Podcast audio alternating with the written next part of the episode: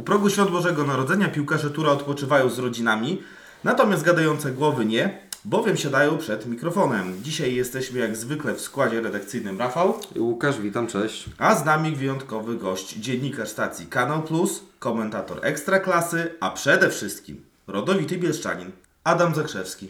Cześć, witam wszystkich serdecznie. Witamy Adama. Adam jest człowiekiem, który zajmuje się na co dzień e, trochę poważniejszym poziomem piłkarskim niż ten, który my oglądamy przy Orzeszkowej 19, ale myślę, że znajdziemy też tutaj jakieś wspólne mianowniki. Dobrze, może zacznijmy chwilę od tego, co przez ostatni miesiąc działo się w naszym lokalnym środowisku. Tak, no jak wielka piłka, Jak wielka piłka właśnie, to musimy wspomnieć o wielkiej piłce, która już niedługo do Bielska zajrzy, dlatego że ruszyła budowa bocznego boiska, boiska, które będzie częściowo pokryte z Polskiego Ładu. Wiele osób mówiło, że nie uwierzy, póki nie zobaczy pierwszej wbitej łopaty. Możecie już to zobaczyć.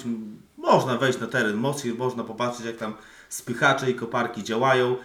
Na jakim etapie jesteśmy teraz? Y, Trybuna z ławkami zniknęła, ogrodzenie od basenu zniknęło, ku rozpaczy niektórych nawet basen zniknął, bo został zasypany i rozebrany. Bramki, piłkochwyty, no i wszystko to pod rozbiórkę idzie. A chyba wybuchnie dopiero na wiosnę i będziemy mogli oglądać. tak, y, trybuna, tak zwane ławki, no przeszło do historii. Nie ma. Historia. Wiele tam e, rzeczy, wiele przyjaźni pewnie Wiele się przyjaźni. ale też Wiele przyjaźni, wiele nienawiści. Uff. Powiedzmy sobie szczerze, była to trybuna, która urągała wszelkim standardom e, e, związanym z, z nowoczesnym obiektem. No drewniane ławki to, to, to nie jest coś, co, tak, co, tak. co powinno być w 2022 roku na stadionie nawet e, klubów w czwartej lidze, no ale już nie ma. Nie ma, dokładnie. No właśnie, jakieś wspomnienia może Adam, związa, związane z tym, Z tym boiskiem z tym bocznym? boiskiem bocznym, z tymi trybunami, no bo ty trochę kopałeś piłkę. Yy, z trybunami nie za wiele, bo zwykle siadałem po drugiej stronie na krzesełkach, ale z boiskiem mam takie jedno wspomnienie, jak strzelałem rzut karny. Kiedyś były takie mm, zawody międzyszkolne, powiatowe i graliśmy mecz o trzecie miejsce i tam był ten podstawowy czas gry, dogrywka nie wyłoniła. E, Ja powiedziałem wtedy naszemu trenerowi, że e, nie będę strzelał rzutu karnego, bo nie dam rady, bo tam miałem już jakiś problem z nogą. No ale było tak, że cały czas był remis i już było strzelonych po 5 i ja musiałem podejść do decydującego i strzeliłem. Pamiętam po rękawicach bramkarza. A strzelałeś na lasek, czy strzelałeś na budynek? E, nie, na budynek. Na, Na budynek, był budynek. strzelany. Pamiętam w swoje lewo. W swoje lewo po rękawicy bramkarza, także, także miłe wspomnienie, ale nie grałem tam za często. Tak, dobrze. A jeśli chodzi o inne kwestie związane z y, naszym klubem i z tym, co się działo przez y, ostatni miesiąc, a w zasadzie dzieje się, no bo w zależności od tego, czy słuchacie tego podcastu podczas świąt, czy po świętach, kolejna edycja Mikołaja Tura dzieje się na naszych oczach. Można powiedzieć, że jesteśmy sami uczestnikami tej akcji namacalnie. Kolejny W tej raz. chwili się dzieje, można powiedzieć, Mikołaj śpi, a Ale zaraz po, wstanie. po nagraniu obudzimy go sanie, Tak. mamy załadowane prezentami i Ruszamy. odwiedzimy Ruszamy w Bielsk i okoliczne wsie i jedziemy z tematem. Ale o tym na pewno przeczytacie na naszych stronach. Dobrze, to może tyle o turze, bo o tym co przed nami, o sparingach, o treningach pewnie sobie jeszcze porozmawiamy w styczniu. Teraz skupiamy się na naszym gościu i idziemy ku wielkiej piłce.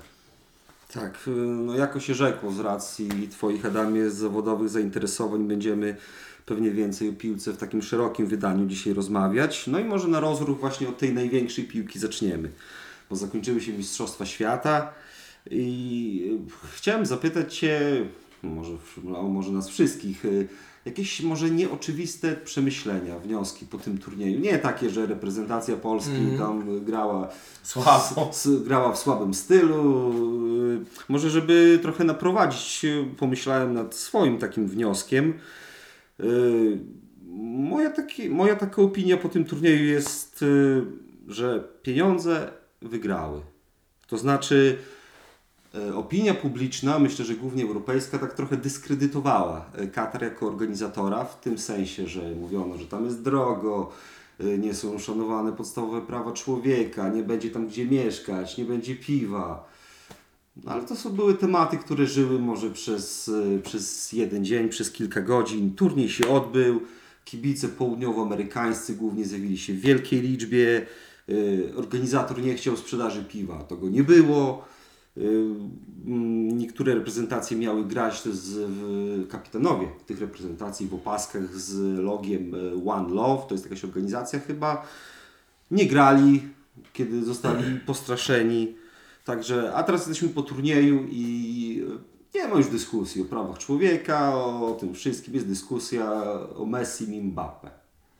Znaczy, mówiąc o mundialu, jakby tę rozmowę warto podzielić właśnie na dwie części. Na tę taką stricte sportową, która była y, kapitalna. To był bardzo dobry turniej i uważam, to jest myślę taki nieoczywisty wniosek, o który prosiłeś, to, że ten turniej był na tak wysokim poziomie, bo był w trakcie sezonu. Bo gdyby ten turniej był na przełomie czerwca i lipca, piłkarze byliby po 8 miesiącach grania i byliby zwyczajnie zwyczajnie zmęczeni, a widzieliśmy przecież y, finał między Argentyną a Francją, gdzie Francja tak naprawdę zaczęła grać w piłkę w 75 minucie i to było no i to było super. Ja y, tutaj mogę zdradzić prywatnie kibicowałem Francji od samego początku, bo to jest moja druga reprezentacja po tej naszej, biało-czerwonej.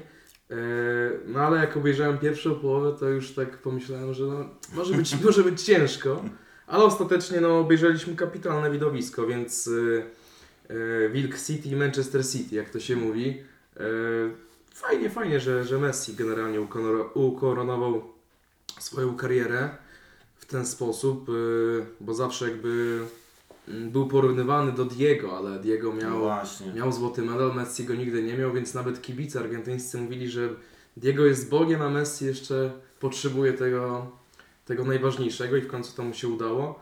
A to, o czym y, powiedziałeś na początku, o tych y, obawach i tak dalej, y, ja uważam, że to były bardzo słuszne obawy, bo faktycznie ten mundial został przyznany bezprawnie po, po korupcji i chociażby to wycofanie piwa ze stadionów na dwa dni przed dniem otwarcia też pokazuje po prostu głupotę mm, tego, że tam ten turniej się odbył akurat w Katarze, w miejscu, gdzie te prawa człowieka były łamane, ale dobra informacja z Budweisera była taka, że oni przekazują teraz to piwo zwycięzcy, więc te wszystkie y, Do ciężarówki poje- poleciały do Buenos. Tak. E, ale już tak podsumowując, to był naprawdę dobry mundial. No ja kibicowałem Argentynie od samego początku, więc jestem zadowolony. Ciągle mam nadzieję, że ten rok będzie rokiem Diego Maradony, że właśnie Argentyna zostanie mistrzem świata, a Napoli zostanie mistrzem Włoch. I dzięki temu Diego będzie mógł uśmiechnąć się z chmurki, zrobić co tam lubił najbardziej w życiu i tak, pomachać do nas Z tego wszystkich. co widziałem w Neapolu, to triumf Argentyny był świętowany wręcz jakby to oni Tak, ale zdobyli. słynny mundial z 90 roku, gdzie chyba nawet Argentyna grała z Italią W półfinale. w półfinale. Półfinał odbyło się w Neapolu, Tak. co było po latach przyznane, że to był błąd. Tak, ale właśnie wtedy publika była bardziej za, Za- Argentyną, tak. za Diego, tak, za swoim lokalnym bohaterem. I Tak, to to- jest właśnie paradoks. To tak? było fajnie pokazane w filmie Diego. To jest- świetny, tak. świetny, naprawdę świetny film dla każdego. No i moim ulubionym momentem z tego filmu jest y, pokazanie świeżo Neapolu po zdobyciu Scudetto, tego pierwszego Scudetto i rzut na y, mur cmentarza, na którym ktoś napisał farbą y, żałujcie, że tego nie widzicie. No to mam takie, takie wrażenie, że my nie znamy jako Polacy takiej, takiego poziomu emocji, yy, takiego zaangażowania. No przede wszystkim. Patrząc na to, co się dzieje na przykład teraz w Argentynie, albo właśnie, albo właśnie w Neapolu, albo to, co się będzie działo w Neapolu, jeżeli SSC Napoli faktycznie zdobędzie Scudetto, to, to, to jest coś, co w Polsce się nie zdarzy. No, jakby to potwierdza to, co ja zawsze myślę, że my się jako Polacy, jako naród mało interesujemy piłką, bo fakt jest reprezentacja, ale po reprezentacji jak y, no, mam dostęp do tego, jak mecze są oglądane ligowe, to nie są to jakieś takie ogromne liczby, jak myślę, za granicą. Y, Nie ma kultury po prostu kibicowania i tak dalej, więc myślę, że to jest y, e, duży, duży problem. Wiadomo, że jak są te niższe ligi, to, to ludzie przychodzą na stadion, ale też chciałoby się, żeby w takim mieście jak Bielsk chociażby przychodziło tych ludzi na stadion e, więcej, bo, bo myślę, że to jest do zrobienia, tylko trzeba jakoś tam ludzi tych zachęcić, ale jak to zrobić, to, to jest praca u podstaw. Znaczy, no, nie, ma, nie możemy się porówno, porównywać na przykład do wysp, gdzie mecz jest o 18, a dzień meczowy zaczyna się o godzinie 13 i obowiązkową pozycją dnia jest wizyta w pubie, prawda, wypicie piwa ze znajomymi. No, no, podobnie myślę jest w innych krajach. No, my po prostu może mamy takie przeświadczenie, że piłka nożna jest naszym sportem narodowym, jednak daleko nam do innych nacji, jeśli chodzi o życie futbolem. Mhm, Znaczy, wiesz co, być może, ale mi się po prostu wydaje, że piłka nożna w krajach zachodnich jest traktowana jako rozrywka na cały dzień, a u nas to jest pójście na 16 na mecz, Tak. wyjście o 18 ze stadionu. Tak, To dokładnie. tam ludzie dużo wcześniej przychodzą na stadion, żeby coś zjeść, pogadać i tak dalej, więc myślę, że to po prostu jest traktowane w trochę inny sposób. Miejsce spotkań, takie łączące społeczność po prostu. Y, Skoro jesteśmy przy temacie reprezentacji, to taka ciekawostka, bo reprezentacja Polski, jak wiemy, zmienia selekcjonera. Natomiast w dniu, gdy trener Tura, Paweł Bierzyn, obecny, obejmował stanowisko, to selekcjonerem reprezentacji Polski był kto, Rafał? Eee, Smuda to już nie był, bo było po euro. Fornalik Jeśli był, Fornalik był, Fornalik Waldemar był po Smudzie. Fornalik. No właśnie tak, tak myślałem, że zastanawiałem się kto był po Smudzie i Fornalik. Właśnie, 9 dni przed nominacją Pawła kadra rozegrała mecz towarzyski z Irlandią, gdzie w biało-czerwonych barwach grali m.in. Damian Perkis, Szymon Pawłowski i Daniel Łukasik. Paweł Bierzyn ciągle jest trenerem Tura. No tak, no, No 9 lat już tak. stuknie. Niedługo piękna, piękny jubileusz będzie obchodzony, ale to cicho. Cicho, to na razie póki co tajemnica. No cóż, pozmieniało się, wszystko się pozmieniało. No. Wszystko się zmienia, a Paweł Bierzyn jest Nie wiem, czy Damian Perkis... jak to się dzieje. Nie, to Ludowik Obraniak był w- ekspertem we francuskiej telewizji chyba teraz, podczas mistrzostw. Perkis też był w By, też. byłem akurat w trakcie Mistrzostw w Paryżu i oglądaliśmy mecz w pubie właśnie i był w studio No, telewizyjnym. może, nie wiem, reprezentację Polski omawiał, tak? Reprezentację Tak, Polski, tak, bo to było jako ekspert. tak, tak. Jako ekspert, To prawda? było przed meczem z Argentyną, więc... Swoją drogą ciekawe, że my nie możemy na przykład, nie wiem, nie może wpaść do nas, nie wiem, Roger Pereiro czy Emanuel Olisadebe. Nie zaskoczyłeś. Ro- Roger mieszka z tego co wiem w Brazylii, a Olisadebe chyba się wycofał z życia W Nigerii mieszka chyba. No, więc... A poza tym ja nie wiem, czy oni y, porozumiewali się po polsku. Chyba nie. Yy, Oli na pewno nie, a Roger chyba troszkę tak, no bo grał, grał też w Legii. No. Oli grał w Polonii, ale mm, no, słabo mówił. Ale chyba Perkis i Obraniak też nie mówili po polsku. Ludo później chyba, ale no jak Chyba to, z chyba, tych- no z nie tych wychowywali się w tym kraju, więc to ciężko wymagać. zawodników to chyba Benisz, z tego co kojarzę, on y, mówił. Nie, ja myślę, że Polański najlepiej A, sobie Polański, radzi. tak, tak, tak, tak, tak, to był Polański, tak. Tak, bo jeszcze tam jakiś był przytyk do niego, że mówić do niego y, Eugen, a on mówił, że Eugen i, i coś było. No i mamy z Podolskiego, który mówi też bardzo dobrze po polsku, ale w reprezentacji Polski nie grał. Dobra, słuchajcie, myślę, że to na rozruch. Taka Starczyło? dyskusja. Myślę, że y, przejdźmy do głównego punktu naszej rozmowy, czyli do kariery naszego gościa w mediach. Y, I tak na początek opowieści o Twojej drodze zawodowej. Y, Powiedz, bo myślę, że słuchają nas młodzi y, fani piłki, być może przyszli, przyszli adepci dziennikarstwa. Co zrobić, żeby trafić tutaj z, no, z niewielkiego miasteczka do poważnej telewizji sportowej, jednej z najlepszych polskich telewizji sportowych i utrzymać się tam, nie tylko trafić, ale utrzymać się kawał czasu, bo tak jak znalazłem jakieś ślady y, na Twitterze, to już w 2017 roku pracowałeś już w kanale Plus, jeszcze, tak? jeszcze wcześniej, jeszcze wcześniej, Jeszcze wcześniej. troszkę. Zacząłem w listopadzie 2016 roku. Yy, No to zaczęło się od półrocznego stażu bezpłatnego. Yy, Także na początku ta droga nie była usłana różami, trzeba było swoje odbębnić.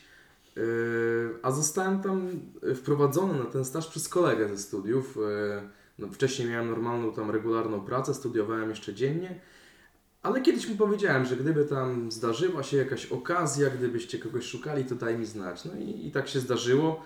Ja następnego dnia powiedziałem szefowej, że odchodzę, że dostałem e, jakby ofertę, na którą czekałem. I, I tak się zaczęła ta moja mm, przygoda.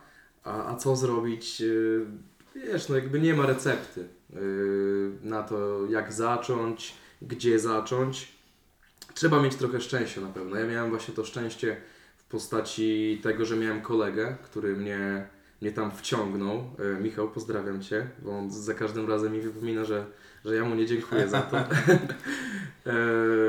A poznaliśmy się na studiach. Ja studiowałem 3 lata na UKSW, potem 2 lata na UW, tu i tu dziennie. Studiowałem dziennikarstwo, ale to nie ma żadnego znaczenia.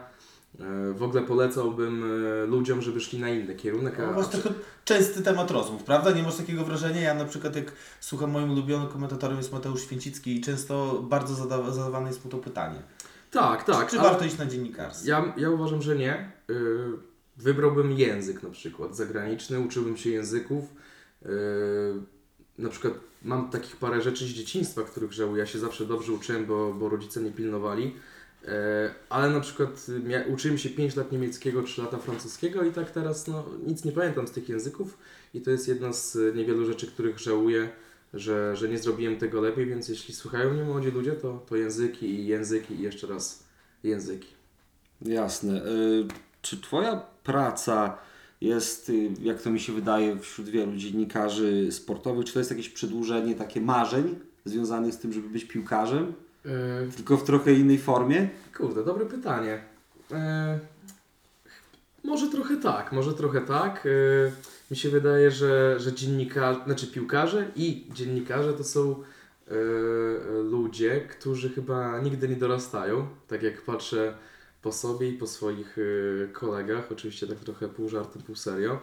E, ale no fajnie, fajnie, bo wiadomo, że jako dziecko marzyłem, żeby zostać piłkarzem, ale to się nie udało. Więc y, fajnie to obserwować y, z bliska. To, co wcześniej mogłem oglądać w telewizji, tak teraz sam to robię. Więc fajnie poznać ten insight, y, właśnie ten na najwyższym też poziomie w Polsce. Też fajnie obserwować, jak to się wszystko zmienia, nie? No bo pamiętam, jak zaczynałem oglądać piłkę w ogóle w telewizji, a teraz jak to wygląda, to też jakby ta sfera medialna poszła do przodu, więc myślę, że to też jest bardzo ciekawy, ciekawy proces. Kurczę, no dobre pytanie, no ale przedłużenie, no mo- może przedłużenie, może faktycznie trochę przedłużenie tych marzeń. Bo jak już y, ustaliliśmy tutaj jeszcze przed y, rozpoczęciem nagrania, Ty w piłkę grałeś Tak, tak, za, za młodych lat. No to teraz porozmawiajmy właśnie tak. o tej przygodzie piłkarza. tak, zdradziłem Wam, może niepotrzebnie. E, e, tak, ja grałem troszkę w turze, ale to, to były bardziej epizody niż granie. E, Pierwszy raz, e, pierwszy raz zacząłem chodzić na treningi zimą, pamiętam. Chodziliśmy do hali mechaniaków, do tej takiej starej jeszcze, takiej, no, w której te szatnie pachniały jak taka stara, prawdziwa szatnia, w której się tam wiele Tak. litr, litrów potów wylało. Byłem tam też wielokrotnie. Tak. y, i, a stało się tak, że trafiłem do, do Tura, bo albo w ostatnim tygodniu szkoły przed feriami, albo już na feriach był taki turniej międzyszkolny i tam grały właśnie roczniki czwarta, piąta, szósta klasa szkoły podstawowej i my, moja szkoła, ja się uczyłem w mm, czwórce imienia Adama Mickiewicza, tuż obok y, domu. I my wtedy zajęliśmy pierwsze miejsce w, Bielsku, tam chyba z pięciu szkół. I tak się złożyło, że pan Mirosław Car oglądał te zawody, a grałem z Grześkiem Bożeńskim, który, który już wtedy w turze grał. I, I po turnieju właśnie Grzesiek powiedział, że słuchaj, tutaj trener Car powiedział, że przyszedł na trening, bo mu się podobałeś i tak dalej. No i chodziłem tak e, trzy miesiące na treningi na halę. Fajny, to był naprawdę fajny okres. Pamiętam, że też wciągnąłem ze sobą y, Piotrka Szatyna, swojego kolegę z klasy. On z kolei y, jak na 10-latka to miał z 1,70 m tam parę wzrostu, więc został od razu postawiony na bramkę. I pamiętam, mieliśmy taki trening strzelecki, to było, to było po meczu Barcelona-Chelsea. Taki gol Ronaldinho z dużego palca, Tak, tak, tak, zamarkował tak, i dopiero uderzył i my tak ćwiczyliśmy, takie strzały. No i Piotrek pamięta, że wtedy stał na bramce. E, No i tam jeden strzał odbił nogą, drugi, trzeci. W końcu trener się wkurzył i powiedział, że ma bronić rękoma. I teraz każdy obroniony strzał nogą będzie kosztował go 10 pompek. No i Piotrek po treningu przepompował tyle, że na następny trening nie poszedł. E, Także to była taka cenna lekcja, myślę. E, I wtedy, I wtedy już zaczęły się treningi letnie, ale mi rodzice nie pozwolili na nie dojeżdżać, bo Ja mieszkałem po drugiej stronie miasta, miałem 10 lat, więc to był problem, e, problem komunikacyjny. A później nie wiem, jak to się stało w sumie, że znowu zacząłem chodzić na treningi. To było 4 czy 5 lat później, już nie pamiętam dokładnie. Też chodziłem jakiś miesiąc, ale, ale jakoś tam właśnie kolidowało mi to z nauką i, i, i to zostało porzucone, ale mm, no, zawsze gdzieś tam ten tor był obecny, bo, bo jak nie grałem, to byłem parę razy przecież czy na trybunach, czy, czy nawet kiedyś dostałem też zaproszenie do grania w pilikach, ale też to już byłem e, w liceum i, i, i to też, no już raczej jakby ta edukacja była na pierwszym miejscu, tata mówił kariery już nie zrobisz, więc warto się skupić na, Na nauce. na nauce dokładnie. Słuchaj, Twoja przygoda w Kanal Plus y, zaczęła się od takich rzeczy drobniejszych.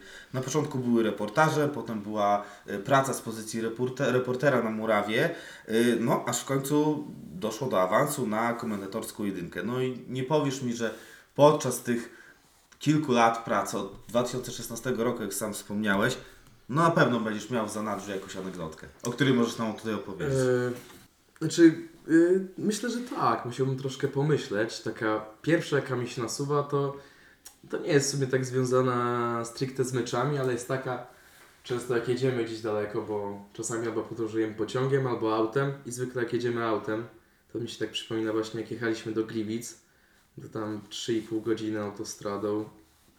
Zawsze przed meczem jedziemy na obiad, zjemy bardzo dobry obiad w fajnej restauracji i tak skończyliśmy jeść tak no wszystko fajnie, tylko po co ten mecz, nie?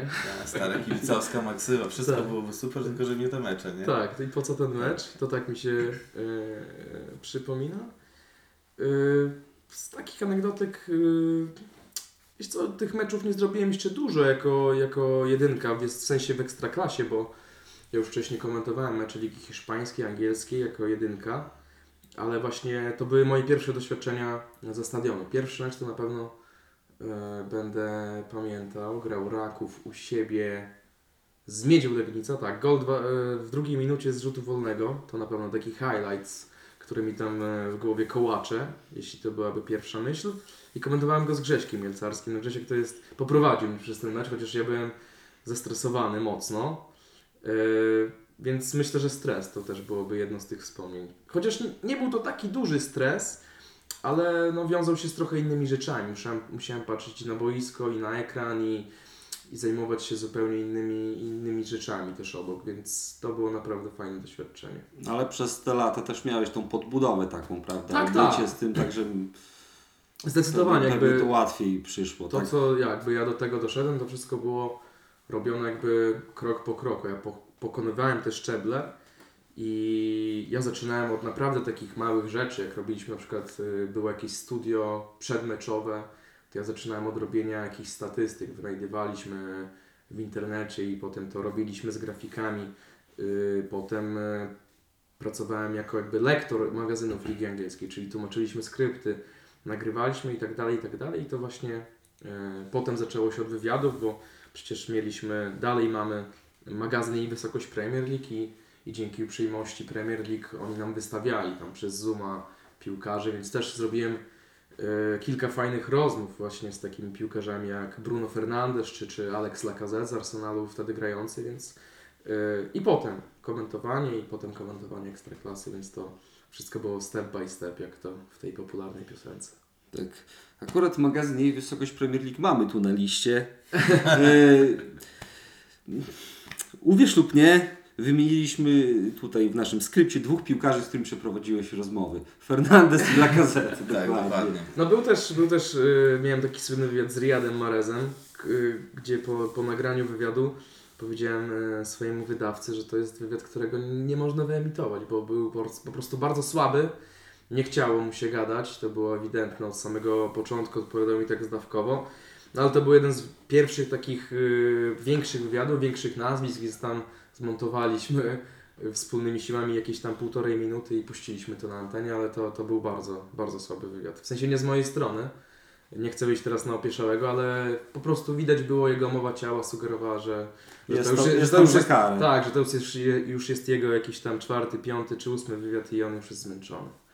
No właśnie, bo jak wyglądają kulisy takiego programu, takiego wywiadu z piłkarzem z Premier League? Czy macie jakiś wybór Czy to jest piłkarz delegowany przez klub, przez Premier League? Jak to wygląda? Tak, tak. Y, Są oficerzy prasowi w klubach y, Premier League i jest też jakby gość, który odpowiada jakby za ligę i on, już nie pamiętam czy to było przed kolejką, ale generalnie raz na jakiś czas wysyłał listę piłkarzy, których oni wystawią na pewno i my możemy aplikować o tych, którzy, którzy nas interesują.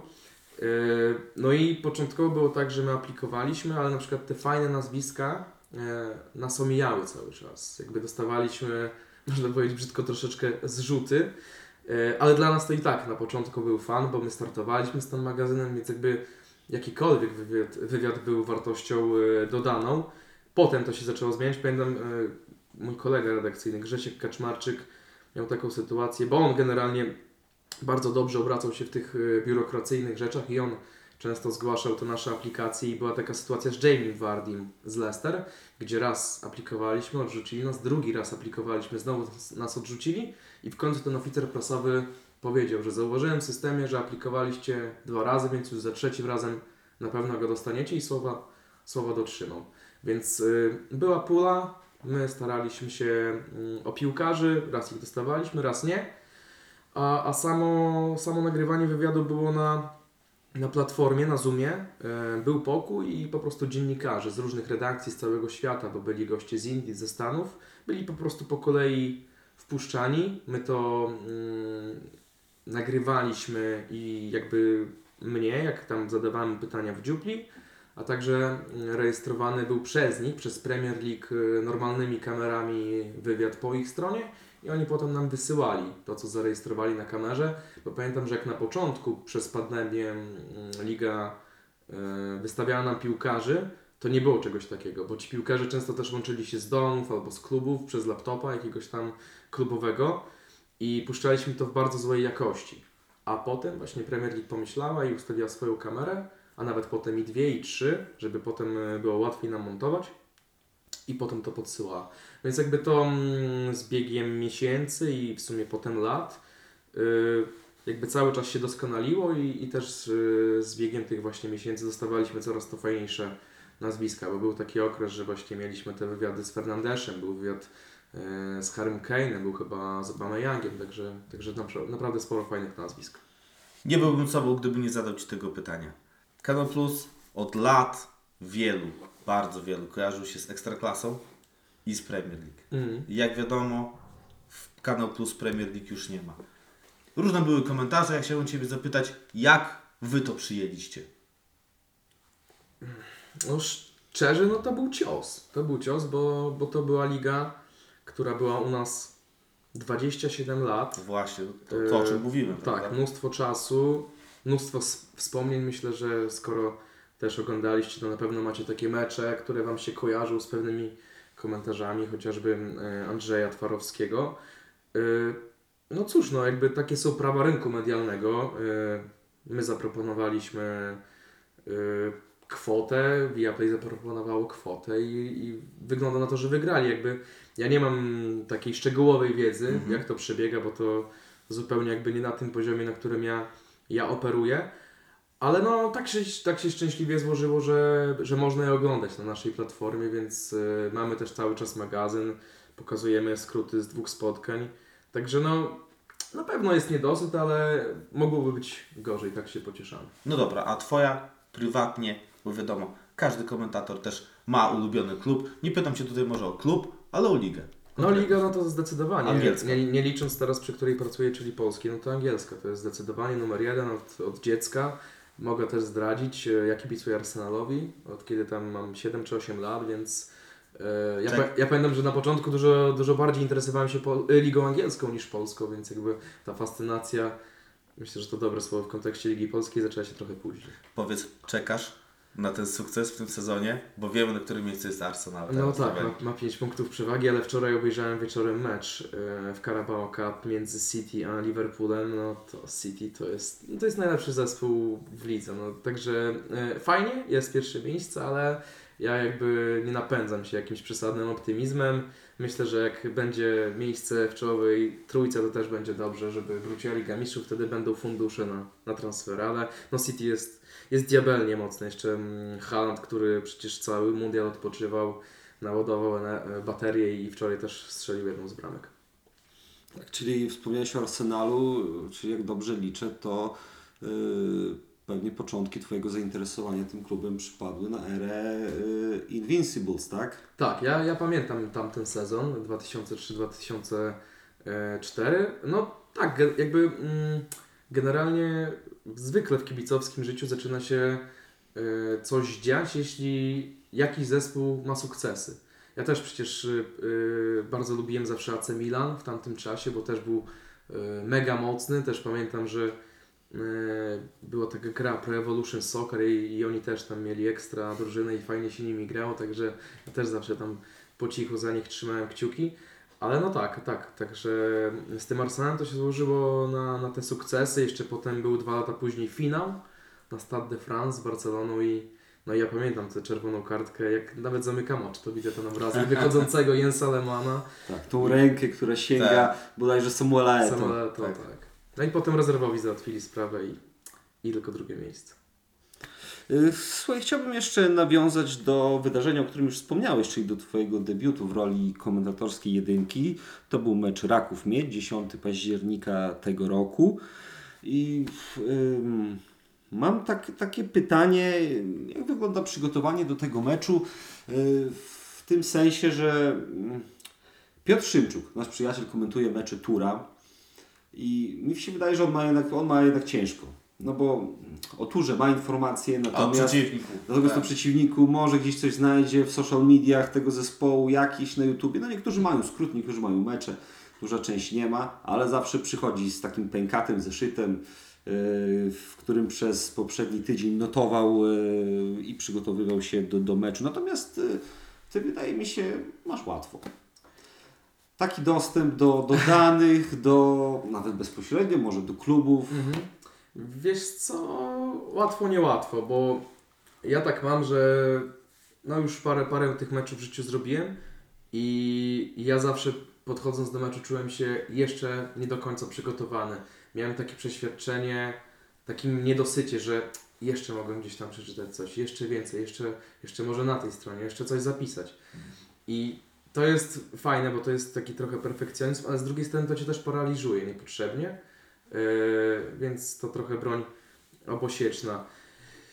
Wiesz co, no, ale jak się przygotowujesz, to masz, masz na uwadze, musisz mieć na uwadze różne warianty. To, że na przykład mecz będzie słaby i wtedy musisz mieć w tym rękawie troszeczkę więcej tych ciekawostek. Yy, Ja na przykład właśnie musiałem się zmierzyć z taką sytuacją, bo, bo mecz Raków e, mieć to był dobry mecz w wykonaniu Rakowa. To był mecz bardzo jednostronny. Yy, i niewiele się działo, jeśli chodzi o, o mieć Legnicę. Yy, więc wtedy musieliśmy coś tam e, mieć z Grześkiem przygotowane. Yy, a no, przygotowanie jakby zaczyna się od tego, że musisz przede wszystkim obejrzeć. Chociażby jeden mecz poprzedni, żeby wiedzieć jak zespół grał, żeby mieć jakiś punkt odniesienia. Ja też się staram oglądać wszystko tak naprawdę, czyli nasze magazyny, analizy, które robią nasi eksperci, bo to też pomaga potem, to też procentuje, ale złapałem się na tym, że y, jak robiłem właśnie ten pierwszy mecz ze stadionu, to jakby tych statystyk, które tam sobie wypisałem, miałem nawet za dużo, bo, bo to jest fajne, jak jesteś na miejscu, robisz to z trybun, to chłoniesz to, co się dzieje na boisku, starasz się opowiedzieć kibicom coś, czego oni też nie mogą zobaczyć, bo to jest ta Twoja przewaga, że, że jesteś na stadionie i, i na przykład widzisz, że już się ktoś szykuje do zmiany. Chociażby możesz już to powiedzieć dwie minuty wcześniej, że ktoś się rozgrzewa, albo ktoś już się przybiera, ktoś już nakłada buty, albo że ktoś jest opatrywany, więc, y, więc to jest fajne. Y, To mnie właśnie trochę urzekło i, i, i to mi też pokazało, że nie trzeba się napakowywać tam y, aż tak mocno jak zwykle, ale ja i tak wychodzę z założenia, że lepiej mieć więcej niż mniej. No właśnie, ekstraklasa i jej oprawa. Czasami jest takie powiedzenie, że coś jest czymś brzydkim w ładnym papierku, prawda? Mhm. I często słyszy się o ekstraklasie właśnie jako o takiej lidze, że naprawdę poziom sportowy jest słaby, ale za to sposób, w jaki ona jest opakowana, jaki ona jest przedstawiana widzom, to po prostu sprawia, że Mhm. staje się atrakcyjniejsza. Oglądałem, oglądałem i oglądam, oglądamy w zasadzie mecze Ekstraklasy y, w telewizji i mamy też doświadczenie ze stadionu. No i czasami też mamy coś takiego jak takie egzotyczne ligi. Tak ja swego czasu dalej zdarza mi się obejrzeć na przykład Ligę Białoruską, gdzie uważam, że poziom jest delikatnie mówiąc podobny do naszej, naszego poziomu naszej ekstraklasy. No ale z kolei oprawa meczu to po prostu uważam, że my naszego czwartoligowego tura lepiej pokazujemy niż tam ekstraklasę. Mhm. Wiesz co? y, wydaje mi się, że nasza liga jest po prostu bardzo wyrównana, bo jak masz y, chociażby dobry przykład, myślę, że to będą nasi południowi sąsiedzi, czyli Czesi. Oni mają dwa bardzo silne zespoły, które nabijają ranking UEFA i dzięki temu one grają w europejskich pucharach. Yy, mowa tu między innymi o Slawi Praga, którzy przecież mają właścicieli z Chin, więc mają dużo kasy, oczywiście jakby dużo względem nas, bo oni wciąż nie wydają dużo, no ale potrafili sprzedać Tomasa Sołczka do West Ham za 20 milionów euro. My cały czas czekamy na, te, na to taki transfer. Chyba Jakub Moder jest najdroższy. Chociaż to i tak chyba w ostatnich latach bardzo poszło do przodu, jeśli chodzi Tak, o tak. sprzedaż i o ceny. Ale to też, y, też wydaje mi się, że trochę wynika z tego, jak Lech Poznań prowadzi swoją akademię. Mm, A wracając do tego poziomu, ja też pamiętam te mecze sprzed y, 15 lat, jak Wisła Kraków była bardzo silnym zespołem i wygrywała ligę w cuglach i, i w sumie nie wiem, jaką ligę teraz właśnie wolałbym oglądać, czyli taką ligę jednego zespołu, która już po 25 kolejce ma zapewnione mistrzostwo, czy jednak Yy, Raków, tak jak w poprzednim sezonie z Lechem, walczył do samego yy, końca. Ja myślę, że yy, jakby pod względem yy, takim taktycznym, piłkarskim ta liga idzie powoli, idzie do przodu, tylko że, że może powoli. A to, o czym powiedziałeś, ta oprawa, to właśnie dzięki tej oprawie ligi my potrafimy przyciągnąć piłkarzy z innych krajów, bo jak ściągamy jakiegoś Hiszpana z drugiej albo nawet trzeciej ligi, on tutaj chętnie przyjdzie, wiecie dlaczego? Bo on się czuje tutaj piłkarzem. Tak. On widzi na trybunach 15 tysięcy osób, tam przyjdzie na przykład dwa. On po meczu stanie na ściance przed wywiadem, 50 dzieciaków poprosi go o, koszul o koszulkę, więc to sprawia, że on się czuje tutaj naprawdę dobrze i my dzięki temu też możemy ściągać tych wyróżniających się powiedzmy na tym troszeczkę niższym poziomie e, hiszpańskim. E, Także no, jakby nie, nie potrafię jednoznacznie odpowiedzieć na to pytanie, czy, czy, czy poziom e, spadł, czy nie. Mi się wydaje, że nie. Mi się wydaje, że nie. Mi się wydaje, że e, zespoły teraz będą chciały być takie Kraków, czyli iść ich drogą. E, Zdrowe zarządzanie, cierpliwość do, do trenera przede wszystkim i, i powolne budowanie sukcesu, bo tak jak wiecie, sukces nie przychodzi w dwa dni, tylko jest to proces i, i zwykle jest to długi proces. Ja mam porównanie takie, kiedyś zebrałem małżonkę, która jeszcze nie była moją żoną, e, na stadion Jagiellonii i potem no, zdarzało się, że obejrzała ten mecz właśnie w Kanal Plus, e, bo nie ukrywam, no, ekstra no, to jest właśnie paradoks między innymi naszego regionu, w którym kibicuje się Jagiellonii i ma się ten Kanal Plus w 99% ze względu na tą Jagiellonię, prawda? I powiem szczerze, że jak zobaczyła ten mecz na żywo na stadionie, a potem jakiś mecz zobaczyła Jagiellonii właśnie w Kanal Plus, to, to powiedziała, że zupełnie dwa inne światy. Mówi, mimo że ten stadion jest ładny, nowy, e, no to jednak to w jaki sposób jest przedstawiona właśnie Mhm. y, studio przedmeczowe, studio pomeczowe, wywiady, kamery, tak, które nie jest jedna czy dwie, tylko jest ich więcej, no to, no to już samo to potrafi przyciągnąć takiego kibica. No i może to też jest pokłosiem tego, że y, często ludzie wybierają po prostu obejrzenie meczu w telewizji, a nie na żywo. Trudno mi się odnieść. No ja oglądam, jak jadę na mecz, to jadę na stadion. E, a swoją drogą, by- tak, Białystok to dość popularna u mnie destynacja, ale to nie wynika z jakichś A takich... masz jakiś sentyment? Jak jedziesz do Białego Stoku? W ogóle kibicowałaś Jagiellonii? Bo Nie. To te... Nie, nie. właśnie nie, nie. Bo to od tego trzeba zacząć, prawda? My tutaj bierzemy jako pewnik, że prawda, no w Bielsku się innym drużynom zazwyczaj nie kibicuje. Nie, nie. Ja, ja właśnie, tak jak wspomniałem e, wcześniej, że, że u mnie się wcześniej kibicowanie zaczęło właśnie od zagranicznej drużyny, więc ja dopinguję tylko dwóm drużynom w swoim życiu, Turowi właśnie i, i Arsenalowi. A Jagiellonia zawsze jakaś taka była odległa. Ja nigdy nie byłem wcześniej prywatnie na, na meczu na stadionie, chociaż pamiętam, kiedyś oglądałem mecz Tura z drugą, z drugą chyba Jagiellonią.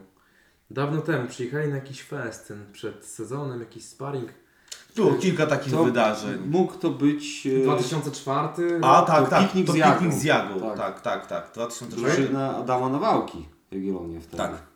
Wygrała. Oj nie, Adam Nowak, Witold Mroziewski wtedy chyba był. O, przepraszam, zapomniałem kto strzelał karnego z No, Witold Mroziewski, Witold Mroziewski, dokładnie. tak, Jaga tak. wtedy grała w drugiej lidze. Tak, Tak, tak, no. tak, tak, wygrała z nami 5-0.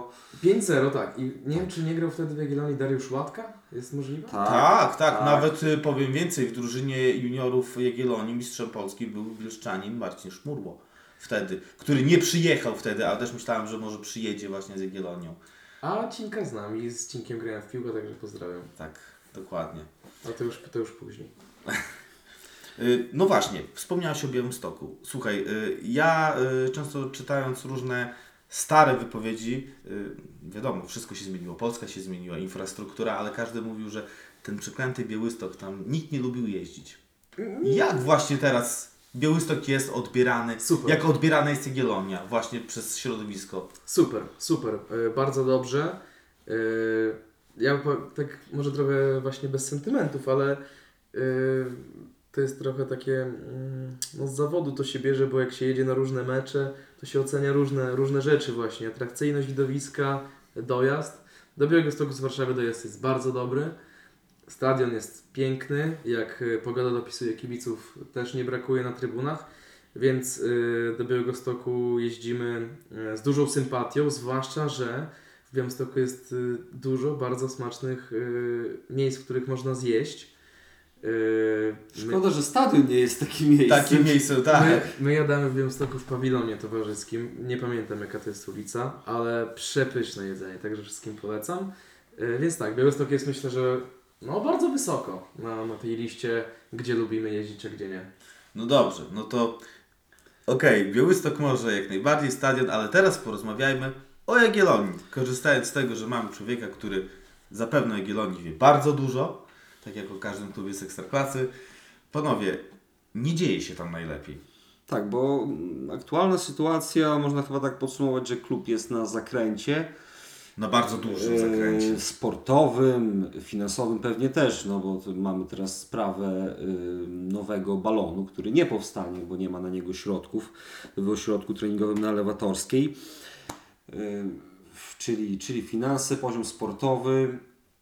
Nie, to niektórzy, taka słuchaj, otoczka wokół klubu. Nie, taki marazm. Marazm Niektórzy taki- to wprost mówią, że Jagiellonia jest na drodze do pierwszej ligi. I może nie chciałbym Cię, Adamie, żebyś oceniał to stwierdzenie, bo, bo, bo może nie, nie, nie powinna być to Twoja rola, ale z, y, podejdę tej sprawy z drugiej strony. Czy Ty widzisz jakieś może światełko w tunelu? Czy, czy widzisz jakiś aspekt, który, który przeczy temu stwierdzeniu, że Jagiellonia dryfuje w Wiesz nieznane? Co?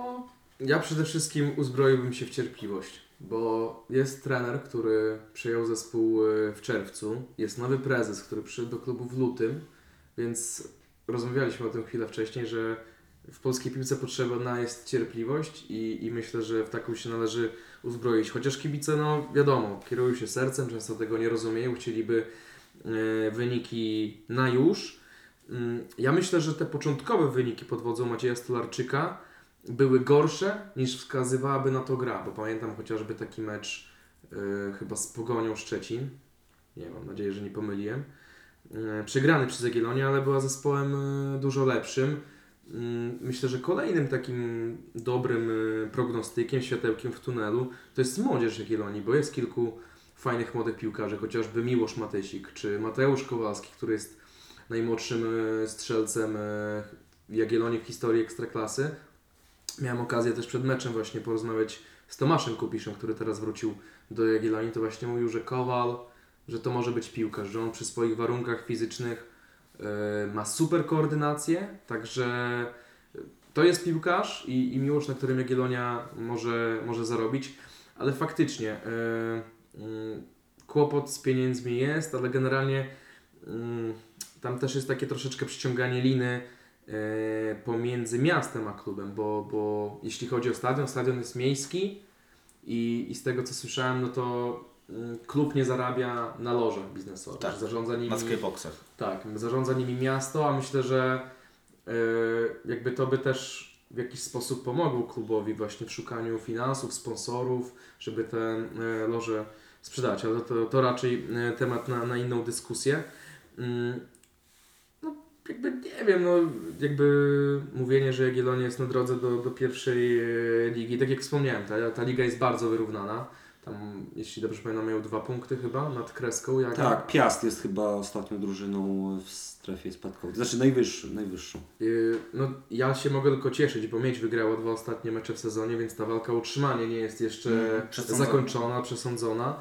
Yy, Ale nie, Jagiellonia ma naprawdę dużo, dużo rzeczy, dużo atutów, żeby się w tej lidze utrzymać i, i budować powoli swoją tożsamość. No jakby ja przygotowując się właśnie do meczów często yy, oglądając konferencje prasowe przed, po meczach, to właśnie trener Stolarczyk często porusza mm, ten temat y, kibiców, że potrzebują wsparcia i tak dalej, że potrzebują y, czasu i cierpliwości, więc myślę, że to jest y, właśnie właściwe słowo dla, dla, dla kibiców, że ta cierpliwość jest ważna. Zobaczymy, zobaczymy teraz po przerwie e, zimowej. No, trener Sto- Stolarczyk zawsze słynął z tego, że jego zespoły grały ofensywnie. To jest dobra informacja, zła jest taka, że zawsze traciły sporo goli, więc y, ale jakby gwarantował widowisko 4 do 3 zamiast 1 do 0, to, to dla kibiców na pewno to jest mm, większy fan. Nie wiem, czy się Łukasz ze mną zgodzisz, ale ja mam takie wrażenie, że Jagiellonia jest tego typu drużyną, że jeżeli doszłoby do tego spadku, to ta pierwsza liga jest na lata. To też, też, W sensie bardzo trudno byłoby się z niej powiedzieć. wygrzebać. Ja myślę, że nie. To Ja- nie jest championship. Championship to jest tak, nie no zgadza się, okej, to już... ale wiesz, ja pamiętamy my te czasy pierwszej ligi, bo my jesteśmy już takie dinozaury, że my pamiętamy i stary stadion przy Słonecznej, pamiętamy też Jurowiecką i pamiętamy naprawdę różne mecze Jagiellonii i te, pamiętamy Jagiellonię bijącą się o utrzymanie wówczas w drugiej lidze, tak, Mhm. bo to był drugi poziom rozgrywkowy. No i powiem Ci szczerze, że jakoś, nie wiem, Nie, to ja się nie zgodzę. Jaga ma, Jaga ma chyba za mocny zespół, żeby, oby nie spadła, tak, bo żeby ja, spaść i, ja po i- prostu mam wrażenie, że to będzie y, kazus y, takiej drużyny, która po prostu, jeżeli spadnie, to będzie bardzo trudno jej się wygrzebać z tej pierwszej ligi. Miejmy nadzieję, że do tego nie dojdzie, tak? No bo jednak uważam, że Tak, ale wiesz, ko- przykład Korony, która y, miała taki sobie zespół, spadła dwa lata temu i teraz wróciła chyba z jeszcze gorszym zespołem. I awansowała, także tak. No. nie ma rzeczy niemożliwych. Y, Co nie zmienia faktu, że uważam, może to trochę y, opinia zaburzona tym, że kibicowałem Jagiellonii, kibicuję dalej, że Pewnie, chyba pewnie tak. Jagiello- Jagiello- Jagiellonia trochę kolorytu do tej ekstraklasy wniosła. Czegoś takiego nowego. Może No. nie mówimy teraz o tych czasach, ale o tych czasach, kiedy był awans 2007-2008 rok. Wiesz co, no, mm, rozbiła trochę duopol y, między Legią a Lechem, no przecież dwa wicemistrzostwa kraju i europejskie puchary, także y, chociaż pierwsze europejskie puchary były po zdobyciu Pucharu Polski. Tak. W Bydgoszczy był chyba ten finał, tak, jeśli tak, dobrze tak. pamiętam. E, No, więc y, jak najbardziej wartość dodana. No, duże, duże, duże miasto, no bo Białystok takim jest. Stolica województwa, więc fajnie, że, że klub jest ekstraklasowy. I cóż, no tyle mogę powiedzieć. No, jakby teraz znalazł się w gorszym miejscu na pewno, ale no to raczej jest składowa wielu rzeczy. No. Braku cierpliwości, bo tych ostatnich e, trenerów było po prostu za dużo. Chyba, chyba już błędem było drugie podejście do, do Ireneusza Mamrota. Myślę, że tak. Tak mi się wydaje. Myślę, że tak. No nieprzypadkowo w Białymstoku. Białystok chyba jest jedynym miastem, gdzie Michał Probierz cieszy się takim szacunkiem i taką No tak, ale trener Mamrot też przecież zdobył drugie miejsce i tam trochę wkurza mnie jakieś deprecjonowanie i mówienie, że przejął gotowca po trenerze Probierzu. Łatwo jest coś zepsuć, nie? Tak. Y, No ale to, to nie działa po roku, już raczej nie można mówić, że to jest drużyna trenera, którego już od roku nie ma. To jest. No, więc, Także. więc miał też ma, trener Mamrot y, dobre chwile w Białymstoku. Tak. Dobrze, myślę, że ten segment będziemy powoli kończyć y, pytaniem, Adamie, o Twojego takiego komentatorskiego świętego grala, czyli y, jakie wydarzenie uważasz byłoby pikiem Twojej pracy zawodowej, marzeniem? Czy to byłby, nie wiem, finał wielkiego turnieju międzynarodowego, reprezentacyjnego, może finał europejskiego pucharu, Mhm. może jakiś mecz reprezentacji? No, myślę, że finał mundialu to jest y, wisienka na torcie każdego komentatora i myślę, że każdy, y, kto zaczyna pracę albo już jest w zawodzie, to na pewno y, taka myśl gdzieś tam pojawia mu się y, w głowie. Ja generalnie bardzo, bardzo lubię reportaże i na pewno kiedyś chciałbym zrobić jakiś taki mm, reportaż o piłce nożnej, ale bardziej, bardziej w tle. E, bardzo podoba mi się książka mojego szefa i nie jest to jakaś tam e, reklama Michała Kołodziejczyka. Mecz to pretekst. E, Mam na półce, leży Tak. w kolejce. tak, Tak. książka, książka... On chyba napis- z, napisana do z współpracy tak, partnerką, z jakąś tak, z dziennikarką. Z Anitą Werner, Werner, tak. tak. Więc y, taki coś w tym stylu, tylko że reportaż telewizyjny. To byłoby na pewno mm, coś, co chciałbym kiedyś zrobić, bo, bo piłka nożna, co zresztą pokazał ten mundial, to, to nie jest tylko piłka nożna. To widzieliśmy przecież wszystkie obrazki w Buenos Aires, że, że to coś więcej niż sport, że dla ludzi to jest jakaś taka właśnie święta, święta wartość. Więc to myślę, że byłoby, byłoby naprawdę fajne. No i twój pracodawca jednak słynie z takich ciekawych reportaży telewizyjnych, no na przykład Asy B klasy, tak? Chociażby to jest bardzo, bardzo, bardzo ciekawa pozycja. Teraz chyba są piłkarze na podsłuchu, tak? Tak, Jest seria, wcześniej byli sędziowie. Tak jest. No teraz y, u nas ogólnie y, w pracy jest moda na seriale. Y, 26 grudnia będzie premiera y, serialu o Królach Strzelców. Pierwszy odcinek będzie z Łodziwierzem Lubańskim. 1 stycznia wychodzi serial o Lechu Poznań, o takiej złotej dekadzie tam o, od 83 do 93. Y, więc to jest y, taki format, który też ma w tym okresie między rundami sprawić, żeby kibice cały czas byli na bieżąco. E, No nie tylko z ekstraklasą, ale ogólnie z piłką nożną i, i u nas jakby takie decyzje zapadły na wyższym szczeblu, że, że takie formy ostatnio są poszukiwane. Super. E, Jedno pytanie, może trochę sprawić trudności. Jakiego komentatora chciałbyś wyróżnić? Uwaga, nie może to być komentator z Twojej stacji. Okej, no to... Kogo, czyja praca Ci się jakby- podoba? Nie wiem, może coś w tym stylu. Mhm. Mm, No, był w mojej stacji bardzo długo, a teraz jest y, w Wieplej, Przemek Pełka. To jest, myślę, że... No, transfer razem z Premier League, Tak, prawda? Je, jeden z lepszych y, komentatorów w Polsce i myślę, że y, od Przemka można się dużo nauczyć. Zresztą ja się od niego dużo nauczyłem, bo y,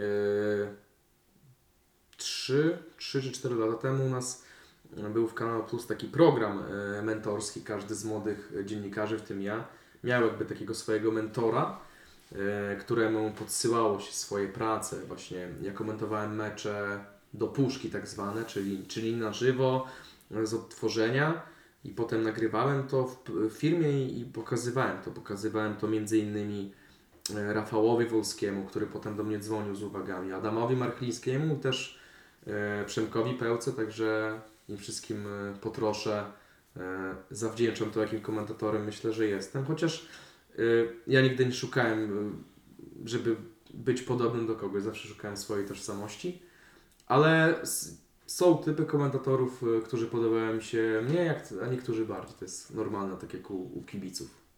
Ja jestem ciekaw, czy ktoś poza mną w Polsce pamięta jeszcze Przemysława Pełkę, który pracował w Polsacie I i NHL. NHL, tak. NHL, tak? Tak, To tego nie wiedziałem. To było, było to oczywiście nieregularne transmisje co kilka dni, ale to akurat to był okres y, mojej nauki, nie pamiętam czy, czy gimnazjum, czy liceum. Miałem dużo wolnego czasu i zdarzyło się czasem w nocy posiedzieć i, i oglądać Tak, te transmisje. Y, Anegdotka jest taka właśnie z, z Przemkiem i z y, hokejem, y, bo on jest y, ze Śląska, z Tychów chyba, ale nie jestem już pewien. W każdym razie on y, komentował niedawno hokeja y, w Kanal Plus, znaczy inaczej, y, w ramach jako komentator Kanal Plus, bo Euro, jak były igrzyska zimowe, to Eurosport wypożyczał jakby od nas komentatorów i Przemek komentował Hokej, wtedy nie? właśnie hokej, nie? Więc, Ciekawe. i też chyba, on teraz w ogóle Viaplay ma NHL, więc chyba Przemkowi też się zdarza komentować najlepsze hokejowe ligę Różne, świata. nawet y, swego czasu widziałem, że baseball na Viaplay leci ML, MLB, tak to się nazywa? MLB, tak. Tak, MLB. Dobrze, to co? Chyba będziemy przechodzić do końcowego y, etapu naszego nagrania. Y, Poprzednie pytanie, które zadałem, y, może być chyba odpowiedzią na, na kolejne, bo chciałem zapytać, czego Ci życzyć, czyli co? Dobrego reportażu i finału Może mundialu. reportażu o turze na stulecie. No bardzo bym chciał, ale to myślę, że byłoby bardzo, bardzo trudne do zrealizowania, bo właśnie w międzyczasie też już będę robił jakieś inne projekty, tam e, właśnie rozmawiam z szefostwem na ten temat, więc tego czasu i tak już jest mało, a będzie go jeszcze mniej, czego mi życzyć, ja myślę, że zdrowie, bo ja ostatnio właśnie mam problemy zdrowotne, więc to chyba jest najważniejsze, a zawodowo tak, myślę, że, że zrobienie jakiejś takiej właśnie fajnej, wielkiej, wielkiej rzeczy, no i skomentowanie fajnego meczu. Tego Ci życzymy. Kończąc, chcemy wspomnieć datę 15 stycznia. Ktoś zapyta, co to za data. Słuchajcie, bardzo ważna data, dlatego że przyszły rok to rok naszego stulecia. Jak już wielokrotnie zapowiadaliśmy, nie chcemy ograniczać się do jednego wydarzenia. Chcemy rozłożyć te obchody na kilka wydarzeń i pierwszym z nich będzie spotkanie, które odbędzie się 15 stycznia. Nigdzie o tym wcześniej nie pisaliśmy, niewiele jeszcze osób o tym wie. 15 stycznia w sali konferencyjnej Bielskiego Domu Kultury przygotujemy prezentację, powiemy o tym, co planujemy zrobić na stulecie, no a przede wszystkim pokażemy całemu światu herb okazjonalny na stulecie, który został przez nas zaprojektowany i który będziemy używać w całym jubileuszowym roku. Korzystając z okazji, że jesteśmy w okresie świątecznym, to wszystkim słuchaczom yy, przede wszystkim chyba zdrowia, spokoju, tych chwil z rodziną, które w tym czasie są najważniejsze. Tobie również, Adamie, serdecznie dziękujemy. Dziękuję tak, bardzo. dziękujemy, Dziękuję. dziękujemy, że do nas przyszłeś tutaj i że mogliśmy porozmawiać. Dziękuję za zaproszenie, bardzo miło mi e, się rozmawiało. Trzymajcie się, słyszymy się pewnie w połowie stycznia. Na razie. Cześć!